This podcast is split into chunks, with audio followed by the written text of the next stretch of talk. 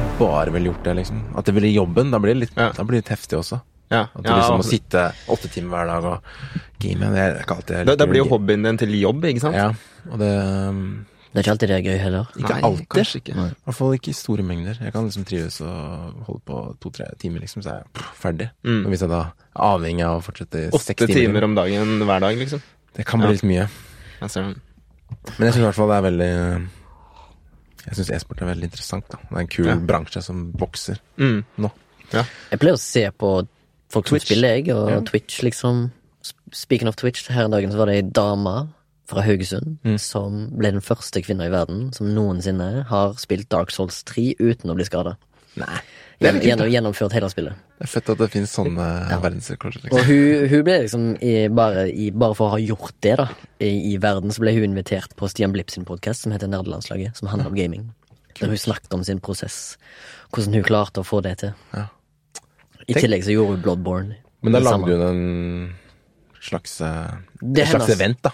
For det, liksom. Nei, hun spiller det dag inn og dag ut, Ja. og prøver på det, og så til slutt så klarer hun det. Ah, jeg, blir, jeg har ikke tålmodighet til sånne ting, altså. Ja, men liksom det er en del av streamen, da. Ja, jeg skjønner det. At hun skal liksom Hun skal være den første kvinna i verden som klarer det, fordi at hun så på lista over menn som har gjort det. Tenkte jo, «Hæ, det er ingen kvinner her, ja, da må jeg gjøre det, da. Og så får hun det til. Det er ganske imponerende. Altså med tanke på andelen kvinner som spiller Dark Souls kontra menn, så er det jævlig få kvinner som spiller det. Mm, Så jeg synes det er ganske gøy. selvfølgelig. Jeg tror iallfall det er mange flere, men jeg går ut ifra det. Har ikke peiling. Det er jo det. Det er jo et slags eh, Hvor var det 90 Ja, det er helt vilt, da. Av unge barn i dag, i hvert fall. 97% av alle gutter fra mellom ja, et eller annet 10 til 13 spiller. Så tror på jentene så lå det på sånn 60, som er ganske mye, det òg, da. Var det Fortnite, eller? Alt slags spill. Oh, ja, alt. Men uh, Fortnite Gjelder det mobilspill òg, fordi der er Tror det. ganske godt representert. tror det gjelder liksom bare spilling Bejeweled og. Candy Crush. Og Farm Simulator. Å, herregud. Ja. Jeg vet ikke. Nesten aldri spilt det på Facebook. Nei, ikke jeg Jeg har aldri gjort det heller. Nei, det Jeg er føler veldig mange gjør det. Ja, jeg tror det. Nei, nei, ok. Velkommen til Flashback. Podkast Podcast om film og sånt. I dag er vi her med meg sjøl, Baba fra Oslo. Det har eh, gode gamle Remi som hadde avstand, holdt jeg på å si. Det var ikke det det heter, men eh, Remi fra Haugesund. Jeg var vekk i forrige episode. Stemmer. Deilig å ha deg tilbake. Ja, takk. Og i dag er Morten borte, men vi har med oss Alexander Dokkberg. Hallo. Hallo, velkommen. Hei, hei. Takk. Som er uh, en egentlig Ja, du gikk i klasse med meg, Morten, ja, på Westerdals. Mm, jeg gjorde det. Så du er òg en av disse her få utvalgte mediestudentene som har gått ut av skolen og er ung og lovende og prøver å få seg jobb i bransjen. Ja, en av de. En av de, ja? En av de. Det er akkurat sånn som med, med meg og Baba og Morten òg er. Eller vi er vel kanskje etablerte, men samtidig så er det jo vanskelig å få seg jobb hele tida. Det er det. Ja, det er det. Men Og- du har jo Ja. jobb hele tida. Ja, eh, jeg driver med klipping. Jobber med klipping hos eh, Nordic Screens. Ja. Så det er da et eh, YouTuber-nettverk hvor det er mange influensere og sånn, da. Som er Det er et slags management, men så lager de også videoer for diverse bedrifter og sånn. Men når du sier dere lager videoer, da mener dere at dere får inn materiale på forhånd, og så klipper dere det om?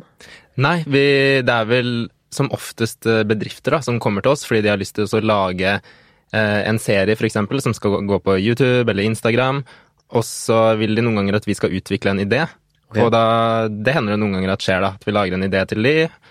Eh, kanskje de bare kommer med en målgruppe de har lyst til å nå, og så utvikler vi en idé, da. Men noen ganger så er det sånn vi har lyst til å lage en serie om fotball for barn, og da er det sånn, ok, da, da gjør vi det. Da er det ikke så mye kreativt å spille på, kanskje. Nei. Så det varierer veldig. Ok, kult. Eh, og du var inne på noe der. Dere uh, skaper ideer. Uh, det er jo det egentlig eh, denne episoden skal handle om. Det er jo det som vi kaller for pitcheprosessen. Altså å pitche en idé, Mm. en filmidé eller en annen idé.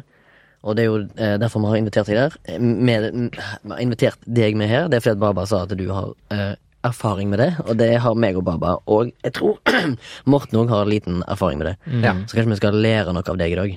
Ok. Håper det. Håper jeg. shit. Håper det. Håper vi, No pressure. Ja, no pressure. Ok, ikke noe press.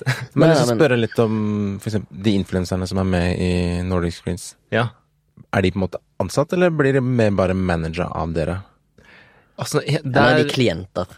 Oi, det var et vanskelig spørsmål. Eh, det varierer veldig. Det er eh, noen som er ansatt.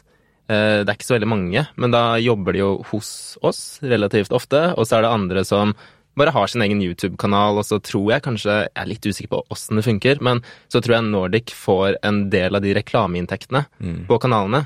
Men det influenseren også får, det er muligheten til å få være med på de videoprosjektene da, som selskapet skal lage. Så de får jo en mulighet, og så samtidig så tjener Nordic på å ha de der, da. Ikke sant? Kan jeg spørre, har du lov til å Kan du name-droppe noen eh, altså hot names, da? I, i influenserverden? Hot names Som dere eh, har på deres eh, Ja, eh, altså? Du nevnte Arman i stad. ja, Arman. Arman eh, Sureshi? ja, Eller? ja, ja, han er ja, en veldig kul fyr. Dere må fortelle meg om han. Jeg har ikke peiling. Ja, du kan jo kanskje fortelle, hvis du vil. Ja, vi fant ut i stad at vi hadde en felles bekjent sånn sett, da. Jeg jobba med Arman Sureshi på Skittensnø. Og Ok. Han hadde en av hovedrollene. Eller hadde en bærende rollene, vil jeg si. Ja. Mm. Som kommer ut nå om noen uker. 31. oktober. Ja, kult. Eh, og jeg skjønte at han også har sin egen YouTube-kanal, hvor han lager ekstremt mye innhold. Ja, han går jo ut på gata og intervjuer folk. Det er veldig mye sånn fem på gata-opplegg. Og de tingene, altså, det er det jo han som legger det ut på sin kanal, men uh, det er faktisk klipper hos oss som veldig ofte klipper de videoene som han legger ut på sin kanal. Så han er en av de få som har en avtale med oss, da. Så de klipper det for han, ja. Ja. Ok. Jeg vet ikke om jeg har lov til å si det. Ja, jeg har sikkert det. Jo, Jo, det må ja, være sikkert. Eh, også, men men han, han har jo en kameramann, da, tydeligvis. Eh, som Jobber han òg for dere, eller han en ekstern kar? Eller hun? Eh, jeg må, jeg må jo bare si det at det varierer jo, så jeg tror Ja. at noen ganger så filmer han og klipper selv og sånn, men mm. de gangene vi hjelper han, så er, er det en fotograf hos oss som er med og filmer for han. Og da er det også veldig hensiktsmessig at det er den personen som klipper det, som har vært med på opptaket. Så det er veldig ofte sånn det er, da. Nettopp. Mm. Hadde jeg skjønt at uh, fra de samtalene jeg har hatt med han, at noen ting gjør han på egen hånd, eller på en måte med sin bror, da, som også på en måte er hans personlige manager. Ja. Og uh, så ja, har den sin egen klipper og hele pakka. da. Mm. Og eh, nå har jeg lite peiling på hvordan norske youtubere eh, jobber og inntektsmessig og sånne ting som det, men er det sånn at eh, folk kan eh, Altså, er det mange i Norge som lever av å være youtubere alene? Vil du si det? Altså, mange eh, i, i USA, for eksempel, der Ja. er det veldig mange. Mm. Men uh, i Norge, altså, jeg, jeg tror ikke det er så mange, altså. Nei. Altså, av å være youtubere det er fortsatt ganske nytt, vil du si? Ja. Kanskje? Altså Akkurat som podkast er egentlig òg i Norge. Det er nytt å tjene penger på. Det er ikke mange som klarer det, Nei. men det er noen. Nei, også, men det er nytt, og så har det skjedd veldig fort. Mm. Alle kids følger med på de youtuberne her. Og når de går ut på gata, og så kommer det barneskoleelever, altså de bare, de bare omringer disse youtuberne. Det er Mm. Ja. helt sjukt. Jeg har, eller han fortalte en morsom historie hvor han var på et eller annet, kanskje en skole eller noe. Det var kanskje på NRK, NRK Super et eller annet, da. Mm. Uh, hvor uh, var det han uh, Åh, hva heter han som spiller i Neste sommer, hovedperson? Er Trond Fausa. Trond Fausa, ja. Ja. Hvor eh, de to måtte hadde hver sin lille rolle. Og selvfølgelig Arman hadde på en måte en mye mindre rolle. Men eh, når barna kom, så var det bare Alle flokka til han, til Ja. Arman. Så Trond Fause bare gikk bort til han. Du, hvem er du egentlig? Ja, ikke sant? så var det liksom bare Ja, for voksne, altså de som er liksom 40 pluss, de aner jo ikke hvem de youtuberne er i det hele tatt.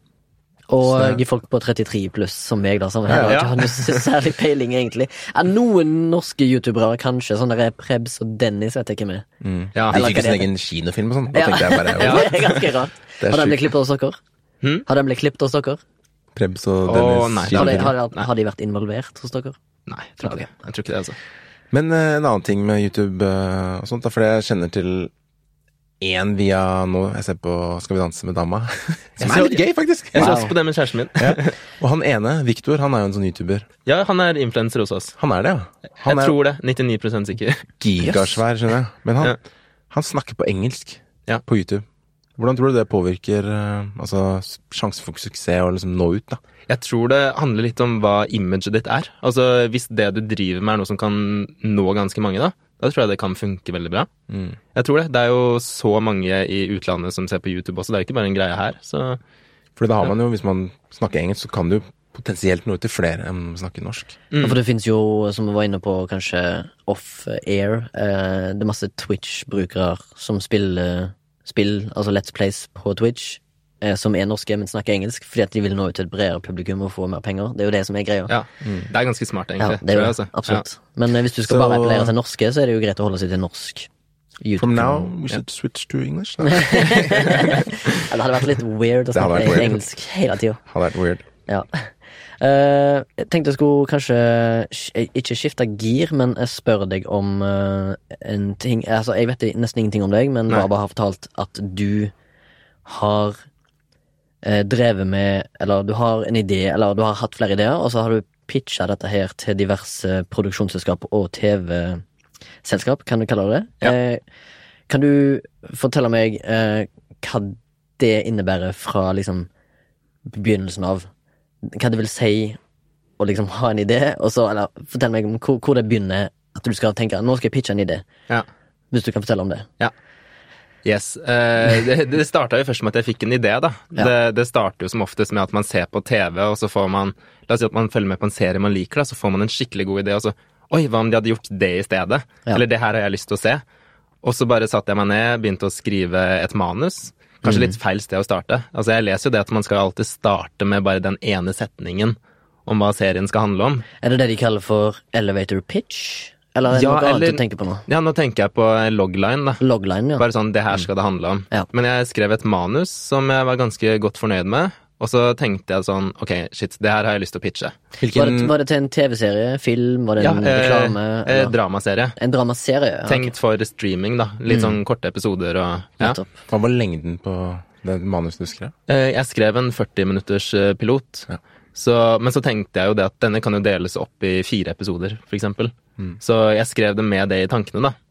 Og den ideen fikk jeg jo litt etter jeg har jobba på Nordic Screens en stund, hvor jeg ser det at det er jo det korte formatet funker så sykt bra. Mm. Så um, det jeg Ha, ja, jeg tror du det har noe med oppfattelsesevnen til unge mennesker i dag? At de ikke liksom klarer å konsumere en halvannen time, to timer lang film uten å liksom, se på mobilen eller Ja. begynne å snakke om noe annet? Tror du det er derfor liksom det funker i dag? Ja, ja, altså jeg tror det handler mye om Facebook. da, Når du går inn Ja. på Facebook, og så bare er det så sjukt mye materiale der. Det er så mye forskjellig der. Når du går inn på Facebook Watch, og så ser du én video, og så kjeder du deg, så er det bare å bla nedover. Ja.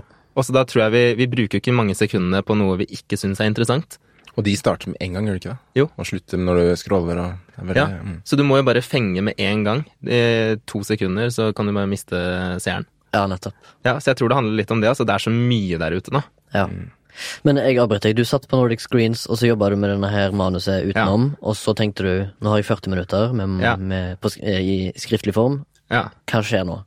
Det jeg tenkte da, var det at jeg kan jo ikke bare ta med det her til et produksjonsselskap, for at det, de kan jo ikke, kommer jo ikke til å stole på at jeg er en god regissør, for eksempel, for jeg hadde veldig lyst til å regissere det. Ja. Så det jeg gjorde, var at jeg tok eh, kontakt med en skuespillerkompis av meg, og så lurte jeg på om han kjente til noen andre eh, på vår alder som også har lyst til å bli skuespillere.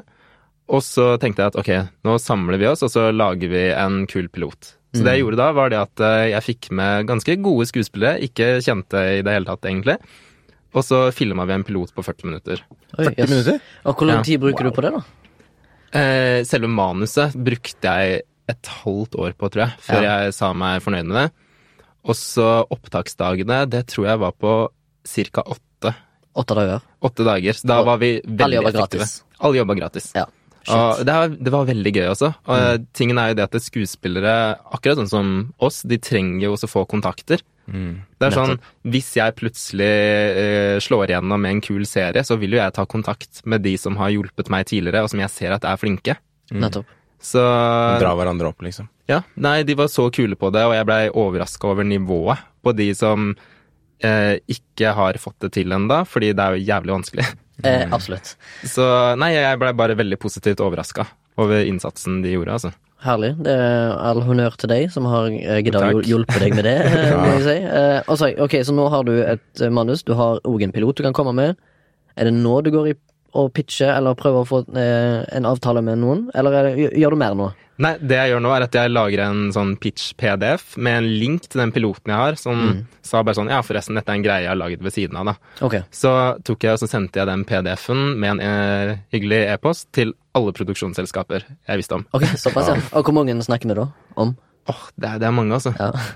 Så kom jeg gjennom til to produksjonsselskaper. Det, det ene var litt sånn, eh, uten at jeg skal navngi, eh, de var litt trege på å gi tilbakemelding, så det skjedde ikke så mye der, da. Men eh, så kom jeg fram til et produksjonsselskap som virkelig hadde troa på meg, da. Når de så den piloten, så var det sånn Ok, men hvor mange kameraer brukte dere, og ja, hvem var det dere hadde på lyd? Og jeg bare sånn Nei, jeg bare, jeg bare gjorde alt, jeg. Ja. Og under opptak, og de bare De blei skikkelig gira, da. Kult. Og så Jeg tror kanskje de bare så at jeg hadde en sånn stå-på-vilje, at jeg har skikkelig lyst til å få til det her. Nettopp. Så de var sånn Ok, men da kan vi hjelpe deg med å utvikle den pitchen her, og så kan vi ta den med til en kanal. Ja, nettopp. Og hva betyr det, da? At de hjelper deg å utvikle?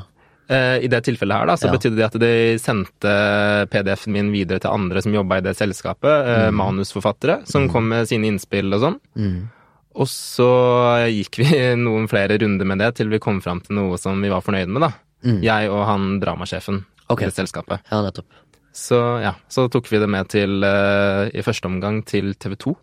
Fordi at de hadde sendt ut en sånn der mail da, til jeg tror kanskje alle produksjonsselskaper om at vi har lyst på en serie for yngre på så og så mange episoder. En slags oppgave, da. Ja, nettopp. La meg gjette, var dette her sånn cirka rett etter at Skam hadde blitt konstatert et, en suksess? Ja, det er jo ganske mange år siden, er det ikke det? Ja, jeg vet, jeg vet ikke hvor tid det kom ut. Sånn 2015? Eller 16? Kanskje Nei, det må ha vært 15, må det ikke det? Jeg husker ikke. Men eh, jeg har også hørt Ja, at det er noen kanaler, sånn som NRK, sånn, sender ut en sånn der eh, utlysning. Nå Ja. trenger vi dette. Ja. Ja. De vil, fordi de vil fenge unge seere. Ja, eller tror de altså, Kanskje de vet hva de mangler i sitt bibliotek, eller Ja, for for det husker jeg det mm, produksjonsselskapet jeg snakket med, de fikk også en sånn greie fra P3. Mm. Og da var det sånn Vi har lyst til å ha en serie om spiseforstyrrelser. Og så spurte han eh, sjefen meg i produksjonsselskapet da Kan vi få til det? Kan vi liksom få serien din til å handle om spiseforstyrrelser? Og jeg bare du, Jeg vet ikke, altså. Nei. Det blir liksom å endre hele greia. Ok, så du har, det er bra at du på en måte har integritet nok til å si at eh, det er ikke det jeg vil med min greie. Det betyr jo Ja. at det som du har skrevet og lagd, det er noe som faktisk betyr noe for deg. Ja, man må jo beholde essensen i det. Hvis Ja, ikke så mister man jo lysten til Ja. å fortsette å skrive. Du må jo skrive om noe som trigger et eller annet hos deg. Nettopp. Men ja. kunne du, bare for å spørre deg, da, jeg jeg kan jo spørre Baba etterpå, kunne du ha tenkt deg å jobbe som sånn spec-writer? At du får sånne oppdrag sånn Hei, skriv en serie om spiseforstyrrelser. Eller hei, skriv en serie om eh, folk som har handikap. Eller et eller annet. da. Kunne du tenkt deg å gjort det?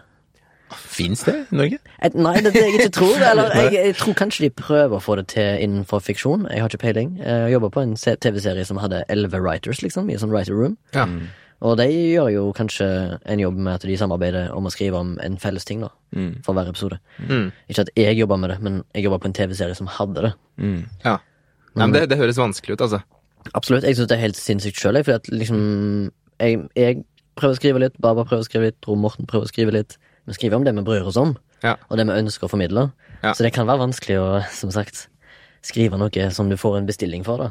Ja. Det er jo noen som gjør det, sånn som han i podkasten Script Notes, Craig Nei, hva heter han? Craig Mason og Craig Mason. Han skriver jo Specs, og så, skri- og så lager han jo Passion Project, sånn som Chernobyl. Chernobyl, og så blir det en megasuksess. Fordi at det her, det her brydde han seg skikkelig om. Ja. Jeg tror kanskje det er mer vanlig i USA at de på en måte får oppdrag med å Eller jeg tipper det finnes i Norge òg, da, men da er det sikkert etablerte forfattere som blir kontakta og liksom Ja. 'Du, kan du hjelpe oss med det her?' eller 'Vi har lyst på det', eller Sånn som i Fantfilm har du jo to faste som jobber. Ja, det er det, og de jobber hele tida med De jobber hele tida med å utvikle Der er det jo mer sånn high concept-ting, da. mm. Som skjelv og sånt. Um, og de blir jo bedt om å De tipper jeg blir bedt om liksom Ok, nå, nå må vi prøve på det her. Og så er ja, ikke sant, det jobben med å prøve å finne ut Ja, men hva Nå må vi lage en reklame for den og den. er det som trigger meg, da? Ja. Jeg tror det er vanskelig jeg, å sette seg inn i alle andres eh, ønsk, alle andres ønsker om å få til ting. Tror jeg iallfall. Men fortell litt om um, For du Da dro du til TV 2. Ja. Hvordan var uh, kan, kan du gå gjennom hele ja, opplevelsen på å komme inn i det rommet og fortelle hvem som satt der? Eller ikke navn, da, men Ok, Du kan Stillinger selge stillinger. Ja. folk som ser på deg, pitcher. Ok, Det som skjedde først, var jo at jeg dro dit med det produksjonsselskapet som har hjulpet meg. Så du Eh, har folk med deg, du er ikke Ja. Jeg har eh, Han som er dramasjefen der, Mm. var med meg. Og så det, det jeg ikke var helt klar over, var at de skulle ha med seg en annen også, som jobba hos dem, som hadde sin egen idé. Så de hadde jo med min idé og han sin. Okay. Så da ble det litt sånn shit, ok, konkurranse. ja.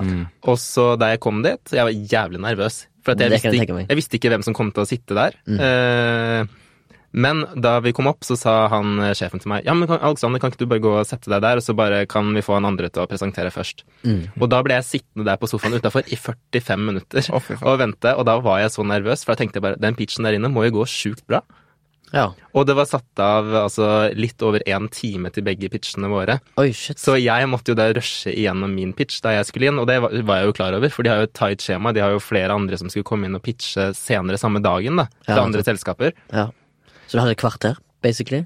Jeg, jeg, jeg tror jeg fikk litt mer enn det, altså. Ja, ok. Jeg, ja, Det er noe jeg, godt- er jeg tror det. det. Ja. Er forferdelig å måtte sitte der ute og vente i 45 minutter. Med sånn Når du vet at det er en time, bare liksom, vent her nå, liksom. Så, Ja. Helt aleine og bare nervevrak. ja, nei, jeg var skikkelig nervevrak. Mm. Så da det var min tur, så gikk jeg inn der. Da var det dramasjefen i TV 2. Kan jeg bare spørre, er, er, er, er det liksom Idol-audition, liksom? Er det tre stykker som sitter på en pult, og så Det var tre stykker, ja. det, var det, det, det var da dramasjef, og så tror jeg det var humorsjef og TV 2 Sumo-sjef. Så okay. det var Sumo som hadde bestilt denne serien de ville ha, da. Ok. Så de satt der, og så begynte jo jeg å presentere. Og da jeg skulle vise dem promoen min, så var det så klart tekniske problemer. Nei. Og Mac-en der, og det lagga, og vi hadde ikke lyd. Og all, alle sånne ting bare gjør det så mye verre. Er det da du får sånn stresskuldre? Da, ja. Ja, ja, ja. går ut, bare. Ja. Blir båret ut. Det- Båret. Nei, det var Paralyse? skummelt.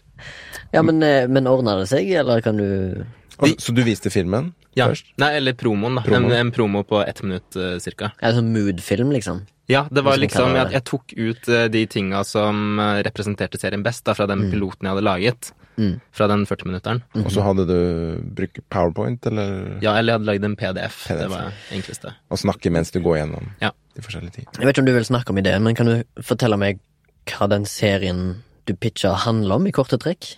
Ja, altså Nå har det jo endra litt på seg, så jeg kan jo egentlig si de tingene som ikke lenger er ideen min nå. Ja, Det er kanskje litt ja, eh, gøy. Kjør på. Ehm, det jeg hadde lyst til å lage, da, var jo en serie om fem hovedpersoner, hvor alle de uh, hovedpersonene var venner, og så skulle de være veldig forskjellige, og så skulle alle karakterene få én episode dedikert til seg selv, da. For det var noe jeg ikke hadde sett før. På Skam så får hver karakter sin egen sesong, Mm. men hva om man har én gjennomgående historie som man får sett fra fem forskjellige perspektiver? Mm. Det var da ideen min. Ok, så er det det de kaller for eh, Ronin Nei, er det det det heter? Jeg husker ikke. Nei, Rashomon-prinsippet. Rashomon? At de beteller en historie, men fra forskjellige folks perspektiv. Men det er samme Å, ja. historie. Det er godt mulig. Altså, folk oppfatter en historie em, Ja, var det Forskjellig, da. Men det var ikke, du, det var ikke den samme historien fra fem forskjellige perspektiver, eller var det det? Jo, det var det som var tanken min. At Ja. eh, det var et prosjekt da, som de karakterene skulle gjennom. Mm. Og så, og så fikk vi se det fra forskjellige perspektiver. Ja, nettopp. Men det vi merka ganske fort, da, altså etter dette møtet her, var jo det at eh, det, det skulle jo være karakterer som ikke likte hverandre mellom disse her, og da var det sånn at hun vi skulle heie på i starten, da blir jo hun faktisk en antagonist i en annen episode. Ja, og da liker vi plutselig ikke den karakteren lenger, som kanskje skal bli viktig igjen senere, og det lagde jo veldig mange komplikasjoner. Men det høres jo helt superinteressant ut, da. Med tanke Ja. på det du sa der. Det, altså, ha den dynamikken i en serie. At noen, eh, noen skifter roller, basically. Mm. Altså, Ja, altså jeg, jeg tror det kan være en kul eh, greie, Ja, ja, men kanskje ikke for serien min. Det skulle være litt sånn feel good og litt sånn hyggelig, og da var Mm. det sånn Hvis man skulle ha en litt sånn mørk og dyster serie med dypt tema, så tror jeg kanskje Da kan det funke. Mm. Jeg tror det, altså. Så det er en idé som lenger ikke er på planen, rett og slett? Nei, det var, det var jo på en måte en slags sånn formatidé, hvordan eh, jeg vil fortelle historien, da. Nettopp. Så nå har jeg egentlig funnet en ny måte, da, Mhm. å fortelle på. Du forklarte det ganske greit med den eh, ettminutts promovideoen du hadde over, over hva du ville formidle til disse folk du pitcha for, så Ja. eh, etter å ha vist filmen eh, og presentasjonen din, hva er responsen du får tilbake, eller får du umiddelbar respons i det hele tatt? Ja, også den responsen jeg fikk, var at eh, selve presentasjonen var veldig bra. Mm. Og jeg tror, jeg tror det er fordi at jeg hadde jo jobbet med denne pitchen en god stund før TV 2 utlyste den oppgaven, så jeg tenker jo at det var en del folk som kom inn med noe halvferdige greier. Ja. Så den fikk jeg veldig positiv respons på. Men det jeg merka fort i rommet, og det gjorde han som eh, er dramasjef i produksjonsselskapet, merka det at TV 2 ble jo sittende og lure på hvorfor kommer du med denne ideen? Ja. Det var eh, Og det hadde ikke du noe svar på, eller? Nei, altså, jeg følte ikke at de helst helt spurte om det, men jeg følte det var det inntrykket de ble sittende med, at uh, hvorfor kommer du med dette nå? Og Ja. det er sånn, da lærte jeg jo det at eh, det er, det er viktig å komme med research. Hva, hva er det som er Ah. viktig for vår generasjon? Hvorfor kommer dette til å slå an nå? Mm. Så ja. Ja, for sånn tenker jo selvfølgelig de. Ja, de tenker veldig sånn, og der hadde jeg ikke noe, følte jeg ikke at jeg hadde noe godt å komme med akkurat der og da, altså. Ja, nettopp. Det føltes, altså Når du snakker om det, så føles det som når jeg hadde sånn muntlig eksamen på universitetet og måtte forsvare filmen min. Det er akkurat sånn der. Ja. Det er akkurat sånn det føles. Og, og når du ikke har Når de stiller spørsmål, og du har ikke svar på ett av spørsmålene, så føler du at det er sånn hm, ja, ok, mhm, mm, og så stryker Ja. de et kryss Ja. på arket sitt.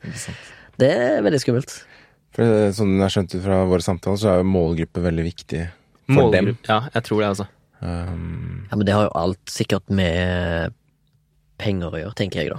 ja, og, Og- som vi snakka om i stad, liksom YouTube tar jo så mye tid av folks tid, og Facebook, da. Så Mm. hvis man ikke treffer, så da har du på en måte fella, da. Du vil jo helst at folk skal se på det man lager. Pluss at TV-kanalene vil jo treffe de som er mellom 18 og 40. Det er jo Ja. der alle re reklameinntekter går til, ikke sant. De vil jo treffe 18 til 40. Så bommer du der, så taper jo kanalene alt. Ja. Tror det. 1840? Jeg tror det, altså. Rundt der.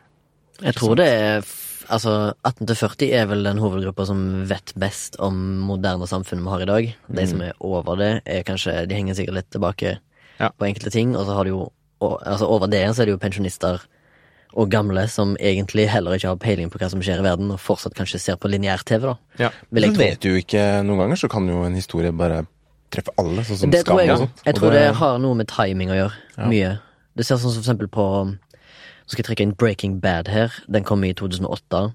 Det var basically ett eller to år etter at Sopranos hadde liksom en, en slutt.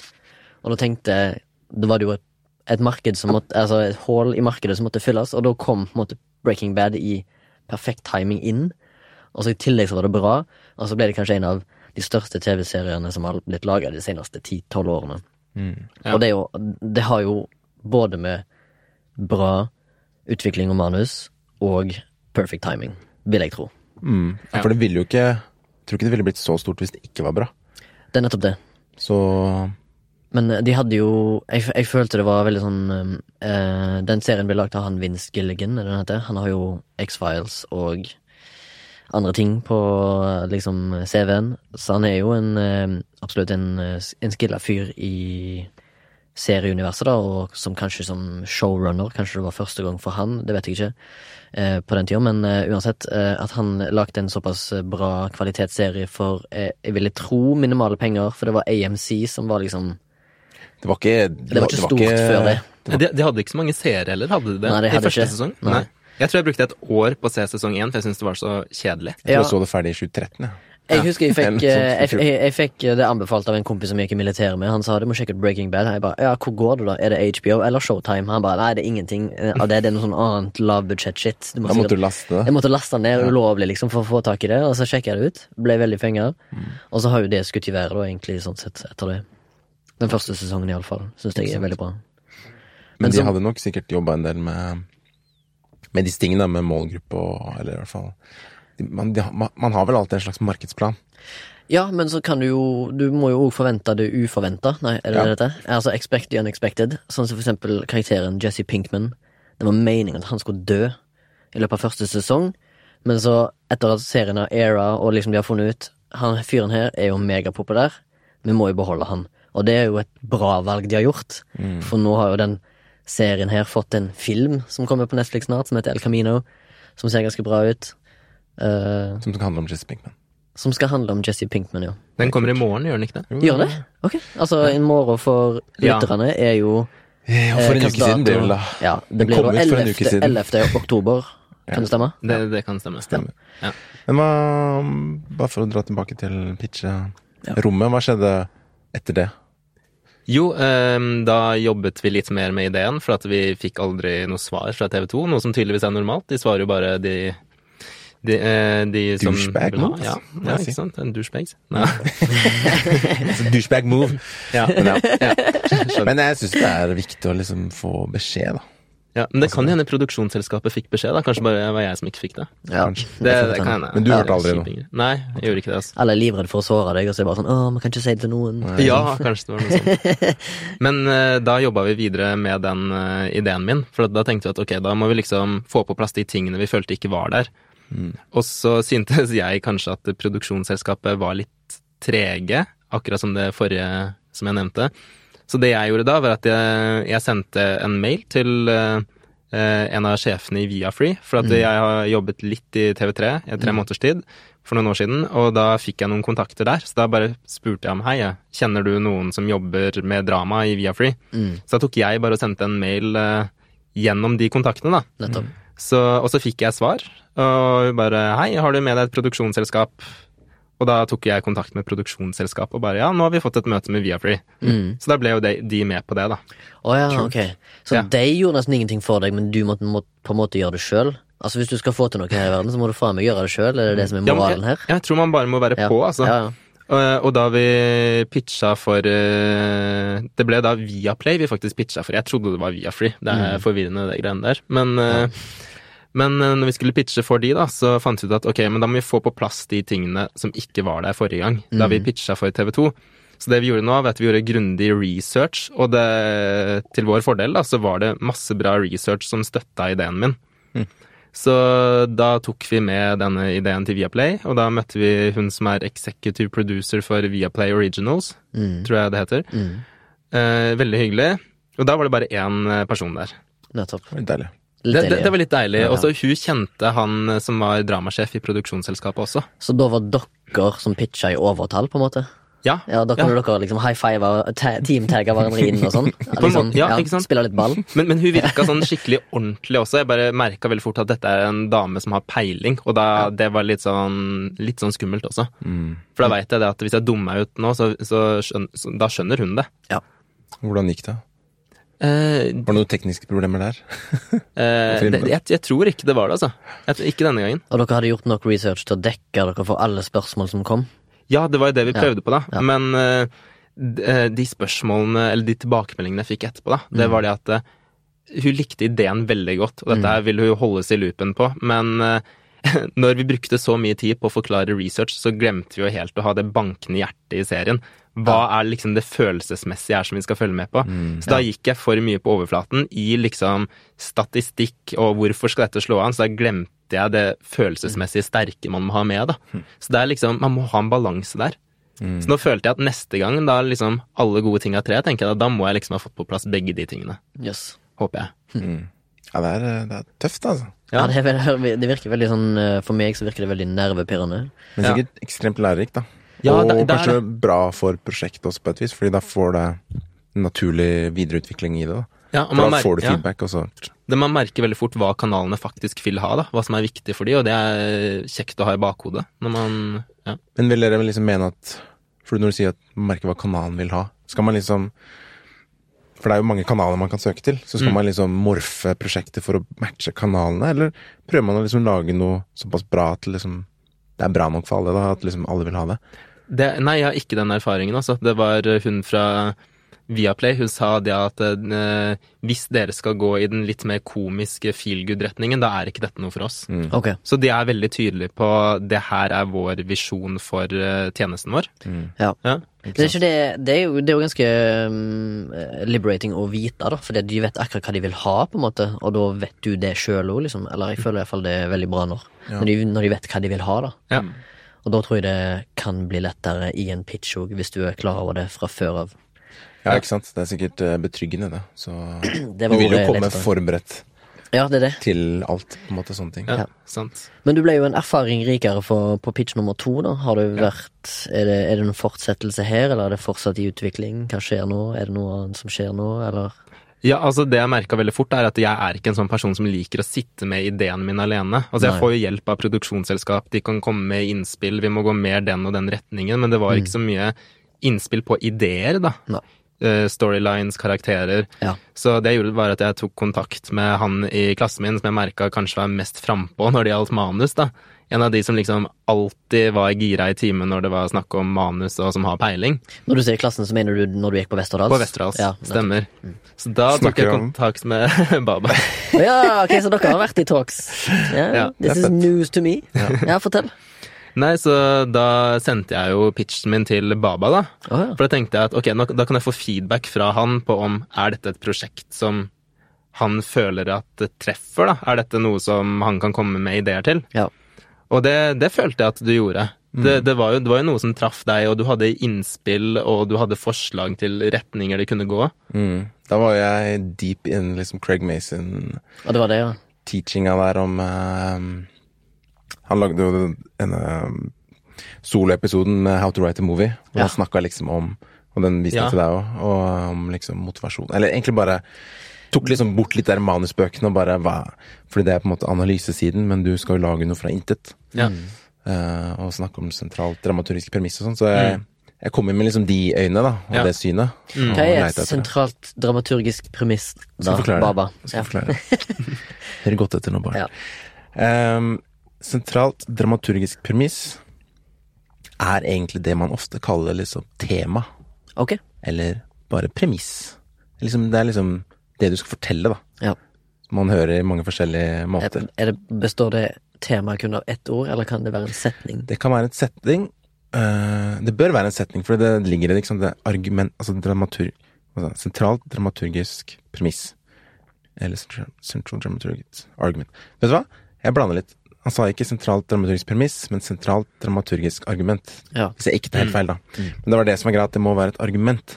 Absolutt. Helt enig. Sånn at Det er ikke en film uten. Eller en serie. Ikke sant. Sånn at når du har denne setningen, så kan på en måte hovedpersonen, eller den vi skal følge, tro på det motsatte, altså anti-premisset. Mm. Fordi hun skal ha en, eller han skal jo ha en forandring, og så skal gå gjennom en forandring. Gå, skal gå gjennom en Sånn som går fra liksom tro på det motsatte av det du vil fortelle, Mhm. og via gjennom historien skal liksom komme til å bli premisset. Via Mhm. action. Så han må liksom gjøre noe for å vise, bevise at han har forandret seg, da. Nettopp. Og på den måten så da binder du da liksom karakter og tema sammen, da. Um, uh, og dette syns jeg var veldig eureka å høre på. Absolutt. Og Enig. har prøvd å bruke det litt selv, blant annet i møte med deg og Mm. eh, noen andre og i personlige prosjekter. Og det er liksom Det er et eller annet som klikker, da, når dette stemmer. Mm. Og så sa han også at det er veldig viktig at på en måte, For man kan jo Alle bøkene snakker om struktur, ikke sant. Men hva er struktur, liksom? Og han mener at struktur er da et symptom av hovedkarakterens eh, connection med premisset. Mm. Ja, Så det er liksom personen som styrer. det er veldig vitenskap. Ja, det er jo på en måte Ja, det. Det er altså, ganske må, logisk. Når du sier det, så må jeg altså, på en måte sette det for meg i hodet sånn stegvis. Ja. Hvis du skjønner hva jeg mener? Mm. Jeg må liksom se det for meg i trinn. Ja, Hvordan, jeg det, skal, hvordan det skal komme til, på Jeg skjønner det, jeg måtte Ja. også skrive det ned. ja. Men det er liksom sånn når du ser en eh, film eller TV-serie, og når du, du kjenner det i magen når en eller annen karakter ikke gjør noe logisk, Ja. ut fra dens Ja. perspektiv. Og da tenker jeg at det er fordi den personen ikke er i Altså strukturen er ikke fra karakteren. Det er ikke karakteren som driver historien, da. Ja. Der er det liksom plotta ut. Dette må skje, dette må skje. Jeg har jo merka meg at det er veldig få mennesker der ute som eh, jobber med akkurat det vi holder på med, og det du holder på med, Alex, ja, spesielt. Men òg det med utvikling av manus. Det er det veldig få mennesker som skjønner hvor jævlig vanskelig og intrikat det egentlig er å jobbe med. Så jeg har en liten sånn Jeg, jeg hørte på en annen podkast som heter Krisemøte, med Kristoffer Schou og Kyrre Holm Johansen. Der eh, Kyrre Holm Johansen er jo en manusforfatter. Og han hadde vært hos frisøren en gang, og så Dette her bare setter ting på Gjelder på spissen av hvor lite folk egentlig vet om det å lage TV og manus og det som er. Fordi han ble spurt om hva han jobba som, og han sa «Nei, han var manusforfatter. Og så sier han, ja, hva er det for noe, da? Nei, jeg skriver liksom ned en handling på en TV-serie og dialoger og sånn. Da hadde frisøren sagt å ja, det er noen som gjør det. Altså, jeg bare, det, Ja, bare, det, det, var, det var beautiful. Han bare å ja, eh, jeg trodde det alt eh, Altså, jeg tror han prøvde å si, å jeg trodde det bare skjedde organisk. Ja. Hvis du skrudde på et kamera, så skjedde handling. Ikke sant? Altså, det, de folk vet ikke dette, liksom. Det, for meg så er det liksom sånn wow. At, at Det er veldig fascinerende. Ja, det er det. Men Og eh, selvfølgelig, jeg skal ikke si at de folkene der er dumme, for de er sikkert eksperter på helt andre ting enn det jeg er. Ja, Eller, jeg er jo ikke ekspert på noen ting, men eh, Jo, det er det. hvis du skjønner. Det er det. Og det er det som er interessant, syns jeg, med manus, at liksom Det var så deilig å bare forstå de, de, ikke sant, de drivverkene da, som får ting til å funke. Bare bli ekspert på det, liksom, og finne ut liksom, dette må til, dette må til. Men det er, så, det er så greit, hvis man sitter fast i manuset, så kan man liksom gå tilbake igjen til de byggestenene som må funke, og som regel så ligger det noe der, da, hvis det er et eller annet som skurrer. Det er kjempefint for han. Også. Eh, når du sier det, hva er det du går tilbake på da? Er det en eh, mentor? Er det Baba? Er det en bok? Eller Nei, Altså, jeg, jeg vet ikke. Altså, ofte, da, hvis jeg blir uinspirert, så bare setter jeg på noen serier som inspirerer meg. nettopp? Det er akkurat det Det- samme jeg gjør. Ja, ofte det. Høre på musikk. Det Ja. kan også funke veldig Ja. fint. Gå nedover gata en regnfull aften mens du hører på filmmusikk på, Ja. på kveldstid eller noe, mens du tenker og grubler. Det òg inspirerer meg. meg. tur med bikkja i skauen. Ja. Ja. Ja, det, var jo sånn, Skogsbading. det var jo en sånn uh, historie om han Pete Doctor som lagde Up. Ja. Han sleit med en sånn historiegreie, så gikk han på tur, og han filma vel seg selv når han tenkte. Jeg vet ikke om det var om han gjorde det hele tiden, men han liksom, ja, løste ting når han var ute og gikk, da. Det gjorde Einstein òg, forresten. Men, men jeg tror det er en greie som ofte funker. Altså, man tror det at man klarer å komme fram til en perfekt idé hvis man bare sitter inne og skriver og skriver, men Ja. jeg tror at de beste ideene får man av å oppleve ting selv. Hvordan opplever du de tingene som skjer med deg? Mm. Så bare å dra ut og finne på ting, tror jeg, det tror jeg Absolutt. kan gjøre mye, ass. Ja, og så eh, hvis du bare hører på andre folk snakke, Ja. venner rundt deg, eller folk på kafé, bare hør hva de snakker om, inspirerende til å bare få noen til å formulere en dialog, da, eller få, få en dialog formulert på et manus. Kan du bare høre på andre snakke. Ja. Det er ganske inspirerende. Jeg tror faktisk alle karakterene i den pitchen min er basert på vennene mine. Ja. Og det, det vet de ikke selv, Ja, ja, ja. håper jeg. Ja, men det, Ja. det er ofte sånn, da. Det, altså, jeg, jeg kan ikke si hvor mange ganger jeg har hørt at uh, den og den karakteren i den og den filmen eller den TV-serien er basert på for eksempel en gammel lærer manusforfatteren hadde, eller en, noen i gamle nabolaget der jeg vokste opp, eller et eller annet sånt ting som det. Så For du skal jo gjenskape noe ekte. ja, ja, ja. Det er jo det du vil. Mm. Du vil jo ha Eller ikke alltid. Ja, realisme er liksom Hvis du vil ha noe ekte, ja. Men Star Wars, for eksempel. Eller Ja, det kan jo være at det er basert på noe ekte. Men liksom, men, liksom menneskelige relasjoner og logikk og sånn, det er jo på en måte Ja, det er absolutt det. de ja, relaterbare, altså disse tingene vi kjenner oss igjen i, da. De er jo på en måte universelle, var det jeg skulle si. Men du skal jo fortelle en handling fra ditt perspektiv, ikke sant? Du kan jo fortelle en historie som, om, en tema, om et tematikk da, som har vært fortalt før, men du skal jo fortelle din versjon av det. Og da hjelper det å ha opplevd det selv. Nettopp. Eller noe lignende. kjenne til det på en eller annen måte, i hvert fall. Ja. Det er derfor man gjør research. Hvis man Ja. ikke vet om noe, så må du jo finne ut av hvordan det er. Mm. Sånn at du kan forklare det mest, eh, mest naturlig. Men ja, du spurte om hva han gjorde for å komme tilbake til Du snakka om grunnmuren, Ja. og det er vel egentlig det du mente, at liksom Ja, hva, hva er det jeg egentlig skal fortelle, da? Prøve å finne essensen. Essensen og den Hvis du sliter ja. her oppe, du, eller her fremme, liksom, så faen, du må gå litt tilbake. Ja. Hva er det jeg egentlig holder på med her? Mm. Men det merka jeg også veldig når jeg var i dialog med produksjonsselskapet. At de, altså, den største lærdommen jeg har gjort, er å forenkle ting framfor å legge til ting. Alltid ha den tydelige røde tråden, og alt det du forteller senere, skal være i tråd med det. Mm. Det, er, det er veldig viktig. Alltid forenkle ting. Ja. Mm. Jeg, eh, jeg har formulert et spørsmål her som jeg har glemt å spørre deg, men eh, jeg bare vil spørre deg fordi at jeg er superstolt av å ha formulert et spørsmål sjøl. Fordi at det, det høres bare jævlig fett ut. Det er når du pitcher, hva ser folk etter? Er det ideen eller personen bak ideen, eller en miks av begge? Oi, um... I din erfaring. Ja, da jeg tok kontakt med dette produksjonsselskapet som har hjulpet meg, så, eh, så tror jeg ikke de var så gira på ideen som de var liksom på min stå-på-vilje. Nettopp. Det var liksom det, De så det at jeg, eh, hvis det var nødvendig, så kunne jeg filme, ta lydopptak og klippe og ha regi og skrive det. Ja. De bare så at jeg hadde så veldig lyst. Og han bare sånn jeg, jeg tror han bare syns at det så faktisk litt sånn småproft ut, det jeg hadde lagd. Jeg tror han bare blei gira på det. Altså, tenk så bra vi kan få til dette da.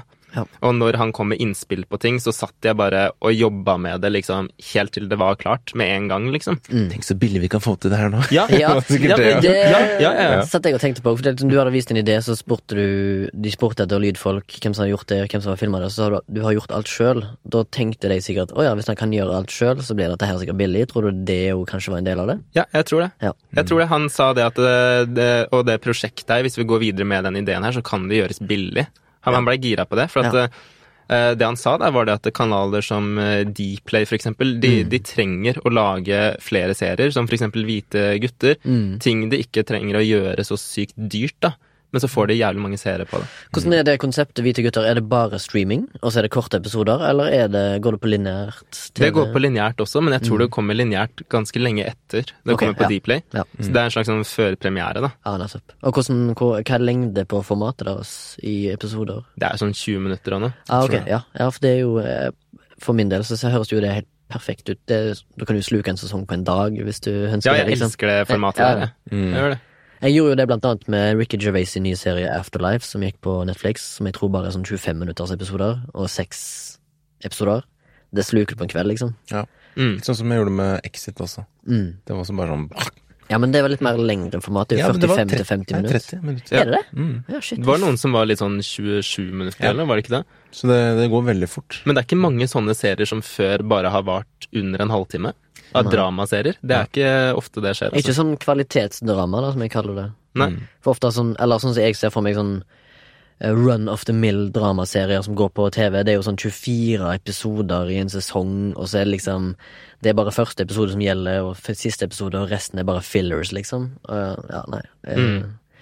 Ja, men jeg tror det er rom for mer kortere dramaserier. Men jeg tror det går den veien. Ja. Altså, I USA jeg tror de, de fleste går ned på maks 13 episoder når det kommer nye serier. Mm. Ja. de ikke det? Jo. Ja. Ja, du ser jo på Game of Thrones. Uh, hadde vel På siste sesong så var det jo ja, det sju. ja, syv eller noe. Men men det- de hadde jo ikke noe å fortelle, så Nei, de, har de ja, eh, vi det, vi redder det Eller vi tar det en annen episode, Ja, der vi river Game Game of Thrones. Den episoden kommer jeg til å høre på. Ja, det må du gjerne gjøre.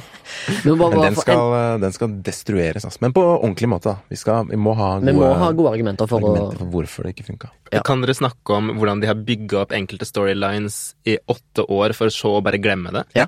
Kan det, snakke om det? det er jo en av tingene som gjør at det hele driten suger, liksom. Absolutt. Men eh, ja, kan jeg bare komme med et innspill der? Altså, Ja, ja, absolutt. Det verste er når jeg ser HBO og andre skriver det at det, ja, det er ikke alle som kommer til å være enig i avslutningen uansett hvor den er. Altså, det er ikke det at jeg er uenig i hvordan Nei. det endte. Det er Nei. ikke det altså Cersei kunne ha vunnet, for, Ja, ja. for min del. Det er bare måten det er fortalt på. Ja.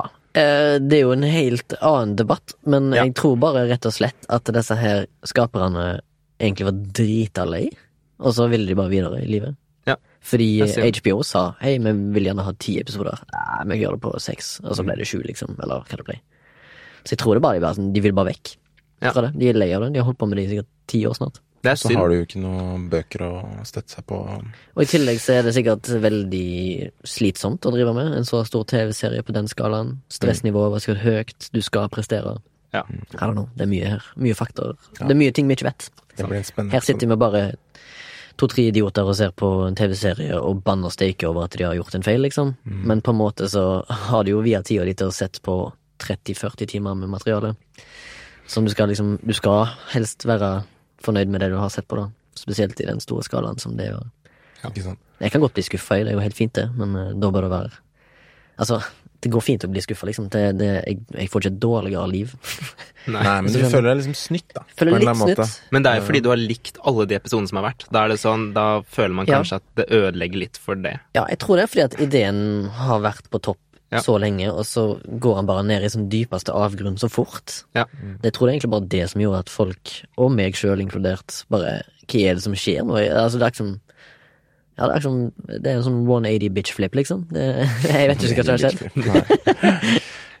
Men jeg eh, før vi, vi begynte jo rett på pitcheprosessen, men jeg ville at du skulle også fortelle litt om hva du har jobba med siden Westerdals, bare sånn kort fortalt. For du Jeg har vært veldig sånn fiksjon- og serie, dramaserieverden. Men du har vært litt på andre siden, på TV-underholdning, hvis jeg ikke skjønner. Ja, eh, jeg starta jo som praktikant på Hotell Cæsar. Det var jo da mens vi gikk siste året på Westerdals. Mm. Så fikk jeg jobb der etterpå, så jeg jobba med litt sånn grovklipp, klippe sesongpromoer, litt sånne ting, da. Mm. eh, I den siste sesongen, før det ble kansellert. Da det ble kansellert, så så gikk jeg videre på å jobbe med sosiale medieklipping for Paradise Hotel. Det var jo noe litt annet. Men det er gøy. Altså, jeg digger Paradise Hotel, har sett på det i mange år, så jeg bare syns det var veldig, veldig gøy. Jeg har ikke sett en eneste episode, og jeg kommer aldri til å gjøre det heller, tror jeg. Jeg så første sesong. ja, okay. Aller, aller første Ja. sesong. Men seriøst, også, det er, det er så bra klippa. Den serien er så bra klippa, og de forteller historier, og det er sykt gøy. Mm.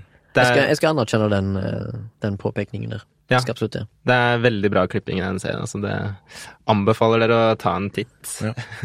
Det blir Også, din anbefaling. etter det- Ja, etter det så begynte jeg å jobbe hos eh, Nordic Screens, og da har det vært mye dokuserier og sånne, eh, sånne ting, da.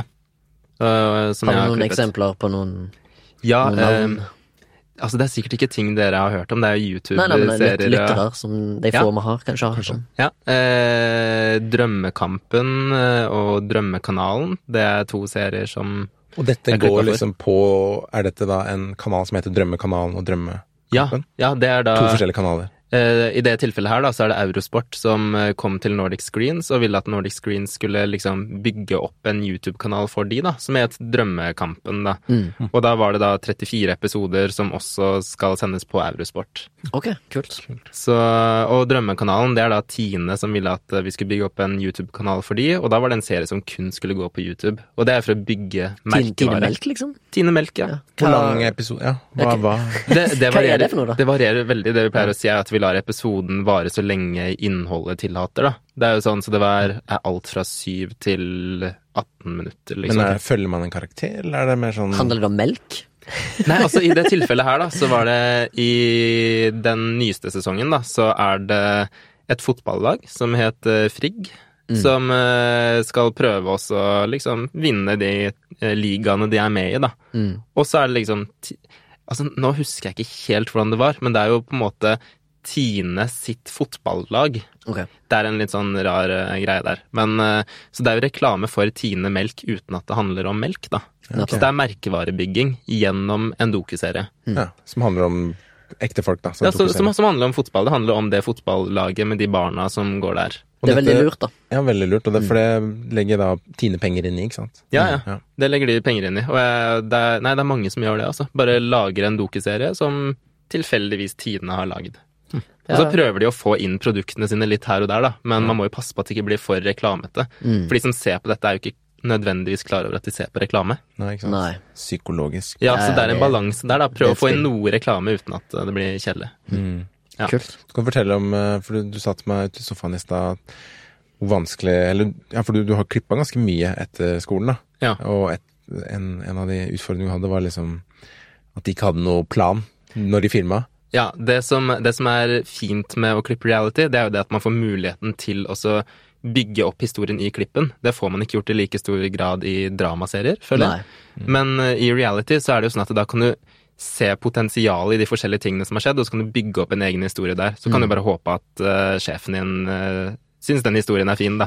Ja, men der har du jo muligheten til å manipulere, da. Altså, du kan jo klippe Ja. inn eh, reaksjonsbilder som ikke har noe med saken å gjøre, for eksempel. Ja. Men det er jo bare for å bygge en dramatikk og kanskje skape litt drama, kanskje? Eller jeg vet ikke. Altså, Det er mye du kan gjøre i klipperommet med en dokumentar slash reality, tenker jeg. For Ja. det er jo der han blir forma på klipperommet, rett og slett. Altså, Jeg skal ikke si hva vi på Nordic Screens gjør, men jeg Nei, tror nei. at det, folk, folk flest vet ikke hvor mye av det som sies i reality-serier, at det er ting de faktisk har fått beskjed om å si. Mm. Men det er jo ofte sånn at man ser det at ok, den personen der ser glad ut, kan, og så bare spør man sånn, kan ikke du si at du er glad? Og så Mm. sier du det. Så tror du at de, de har selv valgt å si det. Ja. Det, det er veldig sånn, da. Ja. Så, Så de blir regissert, rett og slett. Ja, regissert. Veldig. Ja, ja men det, det, det tror jeg jeg visste, på en måte. Eller du ser det, da. Det er så mye som er For eksempel når dere er først, fø- Første date på Er det på Dplay, det? Ja, Til Norge, ja. Mm. Eh, det er mange eh, De bruker iallfall i promotering på Facebook, ser jeg, så sender de sånne små, korte snutter fra en, en kommende episode av Første date, og så er det sånn Du merker på en måte på sjølve det som skjer, at det er scripted, da. Eh, Eller jeg føler det er planlagt. For eksempel, det er en eller annen dame der som hun får for lite vin, eller whatever, og så holder hun Begynner å helle flaska Ja, til servitøren. Ja, og så tenkte jeg, øh, fordi jeg kan litt sånn rent teknisk, så tenkte jeg dette her er scripta fordi hun servitøren, som ser ut som en sånn background, hadde altfor god lyd. Så hun var allerede mika opp, liksom. Men- da merka jeg at det var Pluss scripta. at hun som satt der, Ja. er jo deltaker fra Ex on the Beach i Ja, nettopp, ja. Så hun har jo da fått beskjed om å komme dit for å lage litt drama, tenker jeg. Ja, det tenker jeg også. For å bygge sin egen influensermerkevare. Ja, ja, sikkert. Og så i tillegg ja. så kan jeg bruke det i promo på Facebook i 40 sekunder om at å, her er det en motbydelig dame som oppfører seg bedritent mot en servitørperson, liksom. Ja. Mm. Man må jo Ja. man må nesten være Ja, man må nesten være kynisk for å få oppmerksomhet Eller Ja, generere klikk og få sin oppmerksomhet i dag. Ja, det må Når det. det er man så mye, Mm. Man må det. så må man uh, sprenge noen grenser, nesten. Ja, men Ja. jeg syns det er greit, jeg. Jeg syns det er helt ok. jeg. Så lenge de folkene som blir driti ut, syns det er greit å bli driti ut. Ja, jeg er helt enig. Og Det- i og med at hun som dreit seg ut veldig på den første date-episoden, Mm. i og med at hun ikke har gått ut og sagt noe, så jeg bare ser for meg at hun har fått penger fra Dplay for å så drite seg ut. Og så får, Ja. Du får ikke lov til å si at dette var skripta. Ja. Mm. Er jeg tror at det. hvem som helst ville gjort det. Jeg tror de ville sagt det at ok, jeg dumma meg ut der og liksom Hun har ikke sagt noe som helst. Mm. Pluss henne, hennes navn, som jeg ikke husker nå, men det er sikkert på alles tunger som er med og følger med på det miljøet der, Ja. tenker jeg da. Mm. Eh, jeg har ikke sett en episode av det, jeg har bare sett det klippet på Facebook. Ja. Nei, altså, jeg har sett, sett noe annet ord fra det samme greia. Nei, scripted. Vi lagde jo Jeg og Morten lagde en dokumentar på skolen som jeg fortsatt er ganske fornøyd med. da Husker Mm, du den? ja. Bambart. For der var vi jo det, det var liksom no scripted. Da var vi liksom bare flue på veggen. De bare lot ting skje, da. Mm. Det var jo intervjuer og liksom Vi spurte jo om ting for å liksom få fram ting hos de skuespillerne. Eller skuespillerne, altså. Oi, busted. Ekte menneskene som vi intervjua. ja. Subjektene. Uh, Subjects. men det var jo vanskelig å klippe det, husker jeg, etterkant. Fordi vi- hvor er historien, liksom? Vi hadde liksom ikke noen plan. Men uh, Det det vi, verste. vi gjorde det liksom aldri sånn kan ikke, du, kan ikke dere krangle litt nå? Ja. På en måte, da. Men altså, det, det må man gjøre, altså? Ja, jeg skjønner det, men jeg, jeg syns vi greide det ganske bra på den filmen. Eh, det, kanskje vi var heldige, da. Men vi fikk liksom De begynte å krangle nesten en gang. Vi bare satt på kamera, så venta vi.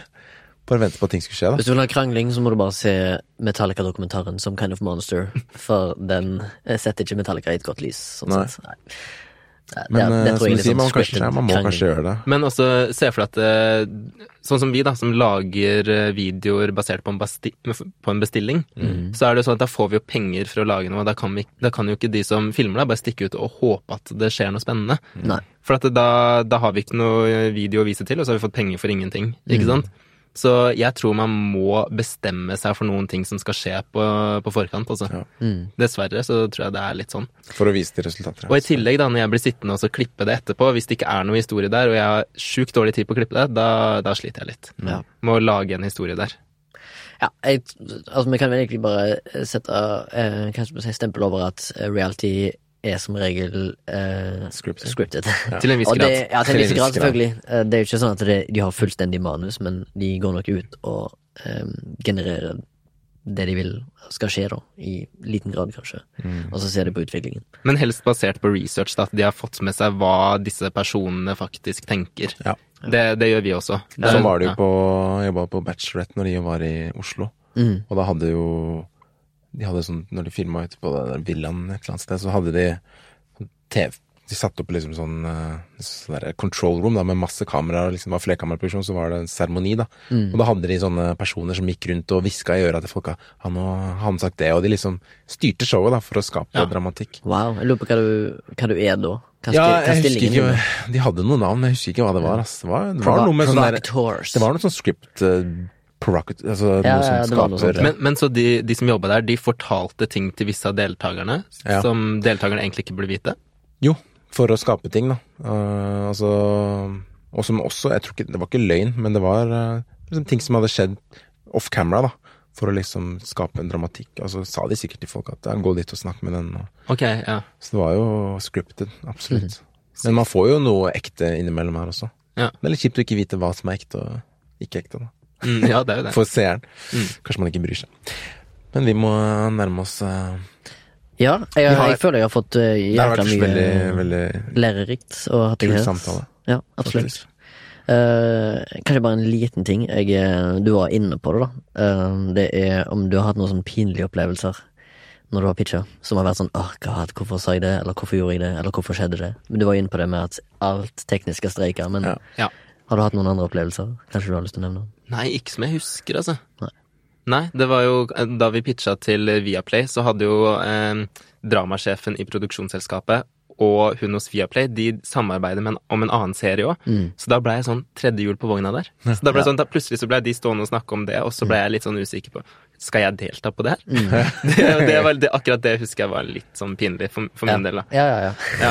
Jeg kan se for meg det. Jeg ble litt pinlig på berørt på dine vegne nå, når jeg bare tenker over det. Ja. Hvor ekkelt det egentlig det er å være i den situasjonen, når du føler deg som en sånn third wheel. Ja, ja, Fy ja. faen. Absolutt. Men hva, Baba, meg og deg glemte å si noe helt i begynnelsen av denne episoden, og det var jo ukens eh, flashback. Kanskje vi skal bare ta et eh, minutt på det, eller glemte vi det? Ja, jo, vi glemte det. Ja, men det For min del går det egentlig bra. Ja. Hvis vi hopper rett under radaren, så det ikke blir for lenge i dag. Ja, nettopp. Eh, forrige Jeg hadde jo ikke Vi droppa det også når jeg hadde gjester sist, så Ja, Det det blir liksom fort at man glir inn i ja, ja, samtalen. ja, det var veldig bra. Jeg, jeg har egentlig bare, siden vi er inne i oktober måned, så har jeg en under radaren i dag. Eh, da skal det selvfølgelig handle om det som oktober handler om. Det er jo skrekkfilm. Halloween! Halloween, ja. Ja, kult. Eh, jeg vil bare trekke fram en kanadisk film som heter The Void, som kom ut i 2016. Som er en indie crowdfunded film. Som basically er en hommage til 80-tallets uh, bodyhorror og uh, sånn, uh, hva heter det, praktiske effekter. Hm. Det, er han, det, er to stykker som jobber til daglig som hva heter det, SFX og i Art Department, da. Altså han ene er Art Director i Hollywood, og den andre er SFX i Hollywood. Men de reiste hjem til Canada og lagde en film som basically bare er en sånn hommage til alle disse her Hva heter det? Hellraiser-filmene, og så det, er det for en god dose sånn Lovecraft-horror, sånn kosmisk horror med liksom sånn ukjente guder og bla, bla, bla, og masse sånn kultister og sånne ting. Så det, uh, det er vel egentlig bare den jeg vil trekke fram, The Void, av uh, Jeremy Gillespie og Steven Konstanski, som har på rollen sin Ellen Wong, kjent fra Edgar Wright-filmen Scott Pilgrim versus The World, hun som spiller Knives, Knives Chow, og en som heter Aaron Poole, som spiller hovedrollen. Gå og sjekk det ut. The Void. Det er en spillefilm? Det er en spillefilm, ja. Indiefilm. Veldig gory, veldig kul. Uh, Hvor får man sett den, eller får tak i den? Uh, jeg har den selvfølgelig på Blu-ray, men jeg tror han finnes på en eller annen streamingtjeneste, går jeg ut ifra. Mm. Det er for, I korte trekk så handler filmen om uh, noen som blir forfulgt av noen kultister. Det er veldig mye sånn symbolikk på sånn trekanter og pyramideformer og sånne ting. Så det, og så ender han opp på et nedbrent sykehus som kun har sånn en liten avdeling igjen, som lever da i en liten småby i um, Canada, I guess. Og så blir det en bunch med overlevende som må liksom barrikadere seg der fordi at det er noen fucked up folk på utsida som vil ta, ha tak i dem. Og så blir det litt sånn uh, The Thing-aktig stemning da, med paranoia og hvem er hvem inni det sjukehuset. Mm. Og så litt godt uh, håndverk når det gjelder SFX og spesialeffekter. Kult. Det sier jo litt når de er Regissørene er på, på si eksperter på det. Ja. Det, det er basically et elskovsbrev, holdt jeg på å si. Eller en love letter to an era som er forbi. Fett. Mm -hmm. Ja, men takk for det.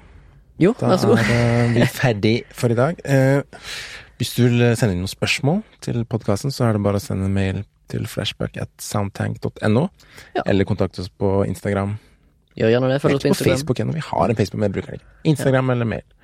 Uh, hvis du vil støtte oss litt økonomisk, så har vi VIPS som du kan sende et bidrag til. Mm. Da er det bare å søke på Soundtac under firmaet på VIPS. Ja, og vi ber ikke om penger fordi vi har lyst til å bli megarike. Vi no. har egentlig bare lyst til å dekke kostnadene det koster å ha vår podkast ute på serverne, sånn at du kan høre dem i alle medier.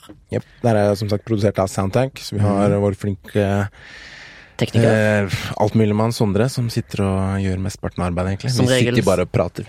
ja, det gjør vi, og som regel så har han et lurt glis og en god kopp kaffe hvis du ja, kommer ja. på besøk her på Grünerløkka slash Dælinga, eller hva det heter. Absolutt. Og det som har vært veldig koselig for oss, og viktig, er hvis du går inn på iTunes og gir oss en rating på fire eller fem stjerner. Ja. Gjør det egentlig overalt.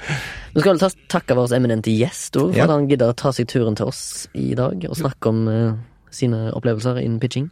Takk, det var hyggelig å bli bedt. Ja. Dritfett. Det var jævlig interessant og givende. Jeg håper folk som hører på, syns det var veldig givende. Tusen jeg takk til deg. Jeg føler det har vært lærerikt i dag. Altså. Jeg har lært mye. Fått liksom en innsikt ja. i den prosessen. Jeg tror jeg aldri har snakket med noen som har pitcha en idé, og Nei. forklart det så godt som du har. I hvert fall ikke som føles ut som oss også. Som ja, jeg, ja. Relaterbar karakter, det er det du er. ja, ikke sant. For å se i man manus terms. Ja. Mm. Kult. Skal vi si ha det? Ha det. Ha det.